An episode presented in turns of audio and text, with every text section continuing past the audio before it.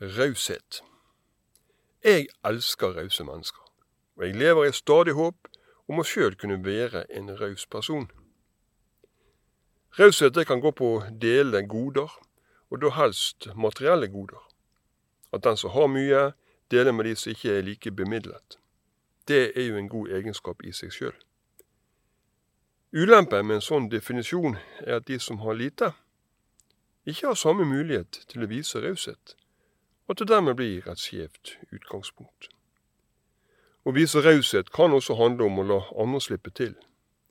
Gi rom for andres meninger, andres behov.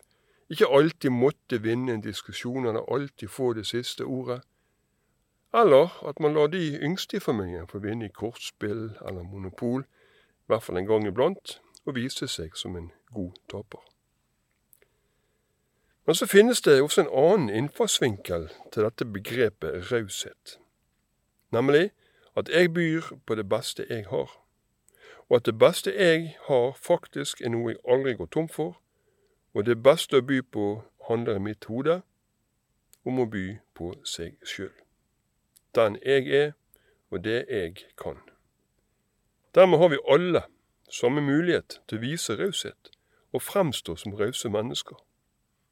Vår livserfaring, våre egenskaper, våre evner, vår humor, våre fortellinger, det vi har opparbeidet oss av klokskap og visdom, eller for å si det på godt bergensk, vi kan ikke være gniten på de gode tingene.